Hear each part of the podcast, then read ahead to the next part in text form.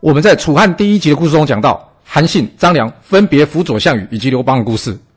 韩信他一直没有机会一展抱负，面对这样的结果，韩信最后选择了跳槽。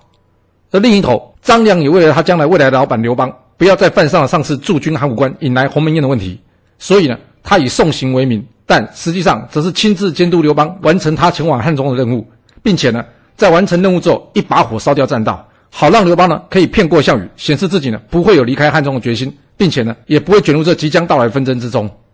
这两人用实际的行动告诉我们，遇到不太行的老板的时候，我们可以怎么应对进退？跳槽是一种方式。而用一个让人舒服一点的方式去监督整个事件执行过程，也是一种方式。历史刻画着人性，了解历史，或许我们就能用不同的观点去判断事情。您说是吧？想知道完整版的故事内容，欢迎您到我的爱故事频道去看哦。